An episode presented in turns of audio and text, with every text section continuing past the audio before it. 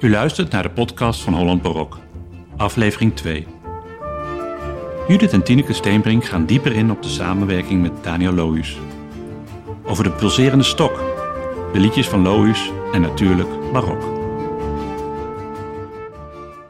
Judith, wat fascineert jou aan het werk van Daniel Lohuus? Ik twijfel wel even, omdat het uh, meteen refereert aan het hele project. Want uh, wij hebben in zijn werk hebben wij barok gehoord. Uh, Bach. En, nou, we kwamen er dan achter via hè, van wat hij vertelt. En dat hij, dat hij zelf dus eigenlijk als organist in space begonnen. Hij is begonnen als, als, als jonge jongen, was hij misdienaar in de kerk. En ook organist. Um, en natuurlijk van ons, vanuit onze achtergrond is het ja, word je toch een soort speurder. Hè? Toen we zijn werk leren kennen, ga je altijd kijken, ah, waar zit het nou overal in? Maar daarom twijfelde ik even toen je die vraag stelde, want uiteindelijk is dat niet de, de, de, de fascinatie, het is de aanleiding geweest. Maar hij is veel meer dan dat. Hij is, wat, wat ik gewoon heel mooi vind aan, aan, zijn, aan zijn liedjes. Je mag liedjes gewoon zeggen. Volgens mij wel. Ja, zijn liedjes of soms zeggen we wel songs, of maar laten we liedjes zeggen. Is dat het allemaal miniaturen zijn. Hij zegt ook, nou, een liedje duurt altijd 2,5 tot 3 minuten. Niet langer, niet korter, zo is het. En dan, uh, dan weet je ook wel dat het eigenlijk drie coupletten zijn en een uh, refrein. Zo is het gewoon eigenlijk altijd. Dus de vorm is vrij vast. En uh, dus zijn miniaturen. En hoe beter je het leert kennen, hoe meer je ook de verschillen ziet. Terwijl die ook een heel sterke ja, eigenheid heeft. Het is ook, eh, dat spreekt denk ik uh, ons tweeën ook wel aan, omdat wij ook van het platteland komen. Dat het echt, eh, ja, het gaat heel veel over het platteland. Hè. Het rurale zijn, zijn ja, het gaat altijd over bos en water en regen en, en slecht weer of eigenlijk weer mooi weer. En, en die verschillen die je beschrijft, hoe, hoe beschrijft hij eens? De verschillen in zijn liedjes. Mm -hmm. Nou, omdat we de, natuurlijk de, de bewerkingen voor, voor Holland Barok hebben gemaakt, ga je proberen, ga je het lied uitdiepen van wat. En, en, en zo'n bewerking versterkt het liedje. Hè? Dus dan ga je denken: is dit nou voor, moet dit nou voor een blokfluit? Of moet dit nou voor alleen maar voor strijkers? En moet het nou legato? Of moet het een heel erg drive in het ritme hebben? Dus je gaat je inleven in wat het liedje is, in de betekenis. Vooral jij ook hebt heel erg woordbetekenis in de instrumenten hè, vertaald. Maar daardoor ga je het uitdiepen en, en, en vertonen, eigenlijk, hè, verklanken. En dan worden de verschillen groter. En um, nou, daarom bijvoorbeeld TikTok is een heel mooi voorbeeld. Want ze, dat is een heel verstild stuk met eigenlijk weinig noten. Uh, maar daardoor ja, een miniatuur op zich die perfect is. Hè? Die, is die, die is heel in zichzelf. Hij begeleidt zich daar zelf in het origineel met de piano. Ja. Ja, op piano. Ja, en uh, Holt op het vuur. Ik, ik, ik spreek het niet goed uit, maar dat kan hij alleen. Maar dat is, een, uh, dat is compleet anders. Dat is, ja, daar voel je echt, uh, het gaat over het bos in, je moet het bos in. En, en dat, is, ja, dat is bijna een soort uh, renaissance met schalmeien en, en echt een soort oer, oer ja, dat klopt, stuk. want hij vertelde me dat hij dat had gebaseerd op een plaat die hij vroeger had.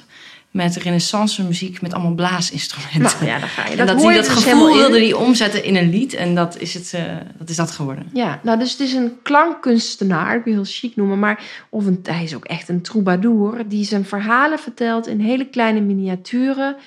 En daarom is het ook, vind ik zelf, maar dat zullen zijn fans, die, die, die weten het al lang, uh, dat je zo'n stuk meerdere keren moet horen. En, en dat je dan steeds meer hoort, steeds meer lagen in zijn teksten. Hè? Want ja. zijn teksten zijn, zijn ook heel ja, gelaagd met meerdere betekenissen. Je mag ook zelf kiezen wat voor een betekenis. Want wij vroegen in de repetities wel eens, ja, wat, wat bedoel je er nou echt mee? En dan, dan glimlacht hij een beetje en zei, ja, dat kan zo of dat kan zo. Maar dat is dus niet de bedoeling dat het allemaal ja, dat laat hij eigenlijk aan de luisteraar over. Of aan de voetbalsupporters. Aan de voetbalsupporters, leg jij dat even uit? Nou, laatst moest Emma tegen Feyenoord. Nee, Emma kreeg Feyenoord op bezoek. En toen hebben supporters een enorm lange banner gemaakt met een uh, songtekst van Daniel Loos. ik zeg het gewoon even in het Nederlands. Angst is maar voor even en spijt is voor altijd. En eh, dat was dus eigenlijk een soort. Ja, om, om, de, eh, om het MS voetbalteam een beetje. Ja, ik neem aan te steunen. Maar dat vond ik wel heel stoer. Dat, hè? Ja. moedig zijn. Moedig zijn. Ja. En dat je, dat je dus een singer-songwriter bent en jouw, jouw tekst eh, eh, moedigt een voetbalteam aan. Dat is wel een heel mooie kruisbestuiving, vond ik. Ja, dus al dat, ja, hoe, hoe, hoe gaaf is dat als je dat dus, eh, als, als, als dat je cadeau wordt gedaan. Ehm, nee, dus dat, dat, dat is voor ons wel ook heel fantastisch geweest om zijn stukken te kunnen bewerken. Zeker, ja. En om er gewoon heel erg in te duiken. En ehm, dat heeft natuurlijk ook wel met een beetje met een miniatuurtje te maken. Dat je dan ook hele kleine details aandacht kan geven. En eh, nou, volgens mij vond Daniel dat ook leuk.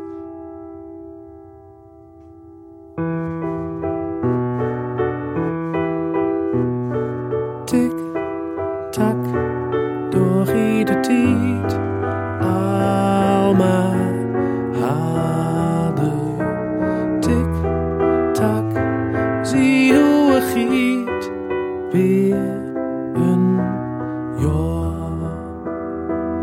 Tik, tak, zonne en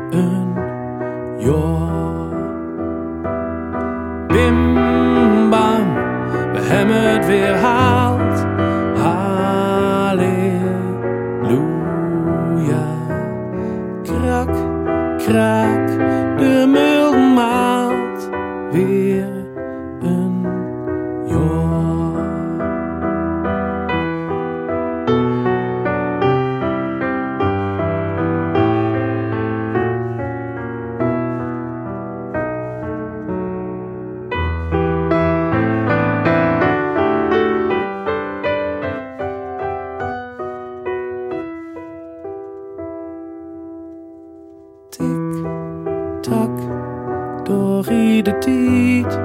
Alma hadden. Tik, tak, zie hoe het giet. Weer een jaar.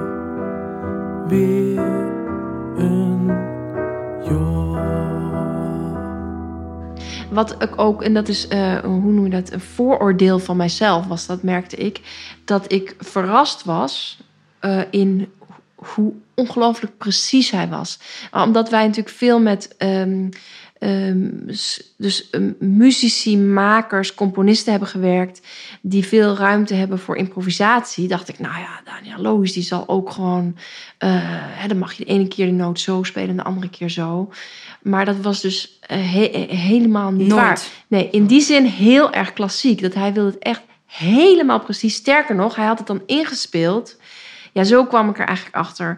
Hij had nieuwe stukken geschreven. En dan, toen zei ik, nou Daniel, kun je het dan een paar keer inspelen, ook met de gitaarbegeleiding. Want dan hoor ik wat voor een, eh, zeg maar, wat voor een eh, akkoorden je neemt, welke liggingen.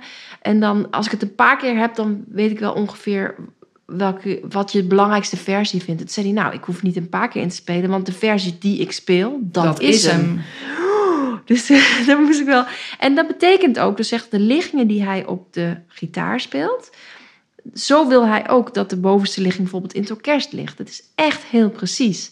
Nou, Maar dat je weet voor- zelf als maker dat als jij vindt dat die zo moet zijn, dan is het ook belangrijk dat die zo is. is. dus Ja, dat is ook ja, prima. Ja, dus dat vond ik verrassend. En ik, ik vond het gewoon weer een boodschap aan mezelf van gewoon wel vooroordelen. En, en eh, dat je dat dus daarmee uit moet kijken. En dat, nou, ik vond het heel verrassend dat ook zeg maar, de gitaarakkoorden echt helemaal leidend zijn voor de, voor de, ja, voor Ja. de lijnen in het orkest. En eh, wij hebben daar ons ook eh, eh, absoluut helemaal aan proberen te houden. Want dat is onze sport dan. Ik vond het zelf interessant dat we hebben in de zomer een kistorgeltje bij hem thuis neergezet. En daar, vanuit dat kistorgeltje is hij ook liederen gaan componeren. Was ook stiekem heel erg onze bedoeling. Ja, dat was een beetje gestuurd natuurlijk. Maar dat, die, dat repertoire wat er eigenlijk uit dat kistorgeltje kwam, dat was weer iets heel anders. En dat, een, dat, is, dat is voor een, een muziek, muzikant, maker, een logisch iets dat muziek uit je instrument ontstaat. Maar als je het dan weer, dat proces zo van dichtbij meemaakt, is het toch wel heel, heel leuk. En een van de liedjes die eh, uit het orgeltje is gekomen, zeg maar, is. Welke is het van de lijst? Half april. Half april, ja. Heel schattig, barok eh, figuurtje. Heel dartelend. eh, ja, bijna, ik zou niet zeggen een parodie op barok, maar dat, het komt daar wel dichtbij. En Ja. eh, het is in ieder geval een melodietje met een knipoog. Ja. Wat meteen blijft hangen. En wat misschien een melodie zou zijn eh, waarin, wat Daniel vaak zegt, dat zijn vader floot vroeger altijd barok. Ik weet niet hoe dat moet, maar zo zou het misschien moeten, zoals het melodietje van half april. Er is ook een ander stuk. ehm, wij hadden hem gevraagd. eh, we vinden, zeg maar, in de 17e eeuw heb je een soort manier van begeleiden. Dat, dat noem je in de strijkers tremolo, maar dat is niet. Maar het is. Wauw, wauw, wauw, wauw, wauw, wauw. En dan sp- speel je harmonieën met, met zo'n zeg maar pulserende stok. Vaak, vaak bij droevige onderwerpen. Ja, droevig. Ja, daarom vind ik ook zo mooi. Dus we zeiden, ah, dat vinden we zo mooi, Daniel. Kun je daar niet, in, eh, kun je daar niet iets mee doen? En eh, daar heeft hij dan ook een stuk op geschreven, het heet Over You. En dat is eigenlijk, ja, dat is een beetje poppy geworden op een bepaalde manier. Maar het is heel leuk hoe zo'n stuk ontstaat doordat je een, een 17e eeuws principe hebt. En dan vraag je hem daar iets mee te doen. En daar komt dan een heel, ja, ook een droevig, maar ook een heel poppy liedje uit. En is, het is heel gek, veel grappig hoe dat, zeg maar, de dingen zich omdraaien en wat er dan uiteindelijk uitkomt. En dat proces, ja, dat is gewoon heel... Dat hadden we eh, bij het gospelproject eigenlijk ook. Hè? Dat je iemand iets geeft van wat heel erg onze traditie of onze dagelijkse taal is. Je geeft dat aan iemand anders en diegene doet daar weer iets mee. Ja, hoe kijk jij daar nou naar? Hoe kijk jij daar nou naar, naar onze muziek? En dat, dat is gewoon heel interessant. En eh, wat- Misschien is dat ook de omschrijving van barok is overal te vinden. Ja, maar dat- is een barok is wat te vinden. Dat, dat heeft ook verschillende lagen. Het is ook zo dat wij het dus in zijn muziek hebben gevonden. Ja. En het is ook zo dat, die, dat onze muziek eh, zo, dat wij de deuren zo openzetten, dat het op meerdere plekken te vinden is of dat het toepasbaar is in meerdere plekken. Ehm, wat ik ook nog heel graag wil, wil, vertellen, is dat eh, hoe het proces is gegaan. Dat eh, we spelen veel instrumentale muziek, de F zesde Brandenburg, veel orgelstukken, omdat hij daar zelf natuurlijk een enorme orgelfan is. En dat hij gewoon zei: Ja, ik ga meespelen. En ehm, eh, Vandaar ook dat orgeltje. ja, dat Naar bij hem thuis. Ja. En, maar hij moest dus. eh, ja, Bach is echt heel gecompliceerd qua, qua cijfers, hè, qua harmonieën. Ja, die speel je niet zomaar weg. Ja, en daar heb jij eh, geholpen en zo. Maar dat is. Dat, dat- je zei ook van op een gegeven moment was er een stuk. Zij zei ja, hier zit je ook wel aan de top van het kunnen van wat, wat Bach met die harmonieën doet. Ja, en dat was ook zo. Ja. Ja. en dat hij dat toch gewoon meespeelt. En eh, ja, Ja, maar dat komt omdat hij die, eh, het verhaal over die orgelplaat die zijn vader had meegenomen. Hij kent dit vanaf zijn jeugd. En dan ja, dat heeft hij toen zo vaak gehoord dat dat zit zo in zijn oren. En dan, eh, dan glijdt dat zo naar die vingers. Die, Ja. die, die, dat gaat goed. Ja. Ja. Het is ook leuk om te zien om, hoe, hoe, die, ja, om in zo'n orkest en dan ehm, zien hem meespelen en een beetje zweten en ervan genieten. Hartstikke. Daniel Lohuus en Holland Barok. Van 12 oktober tot 30 oktober. Helaas niet in Gouda, Maar wel, in Enschede, Helmond, Leeuwarden, Assen, Groningen, Arnhem, Amsterdam, Utrecht, Apeldoorn, Den Haag, Nijmegen, Haarlem, Tiel en Tilburg. Dit was alweer het einde van deze aflevering. Bedankt voor het luisteren. Voor meer informatie ga naar www.hollandbarok.com. Wij danken in ieder geval Pierre Estagie voor deze opname.